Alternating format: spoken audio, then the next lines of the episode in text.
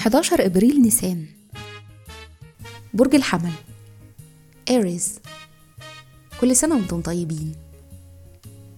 الصفات العامة للبرج القائد الرائد المتحمس المحارب المتحدي والمنافس. الكوكب الحاكم المريخ. العنصر النار. الطالع في يوم ميلادكم. رحلة الحياة. من سن تسع سنين بتزيد رغبتكم في الاستقرار والأمان المادي. في التلاتين سنة اللي بعد كده بتحسوا طول الوقت بحاجتكم لحسم اللي أنتوا عايزين تحققوه. فيما بعد بتبتدوا تدركوا أهمية علاقاتكم بالآخرين. الشخصية. الفلوس هي نقطة القوة بالنسبة لكم. بتتمتعوا بعقلية تجارية وبتقدروا تخلوا نفسكم مشغولين طول الوقت. مهارات العمل.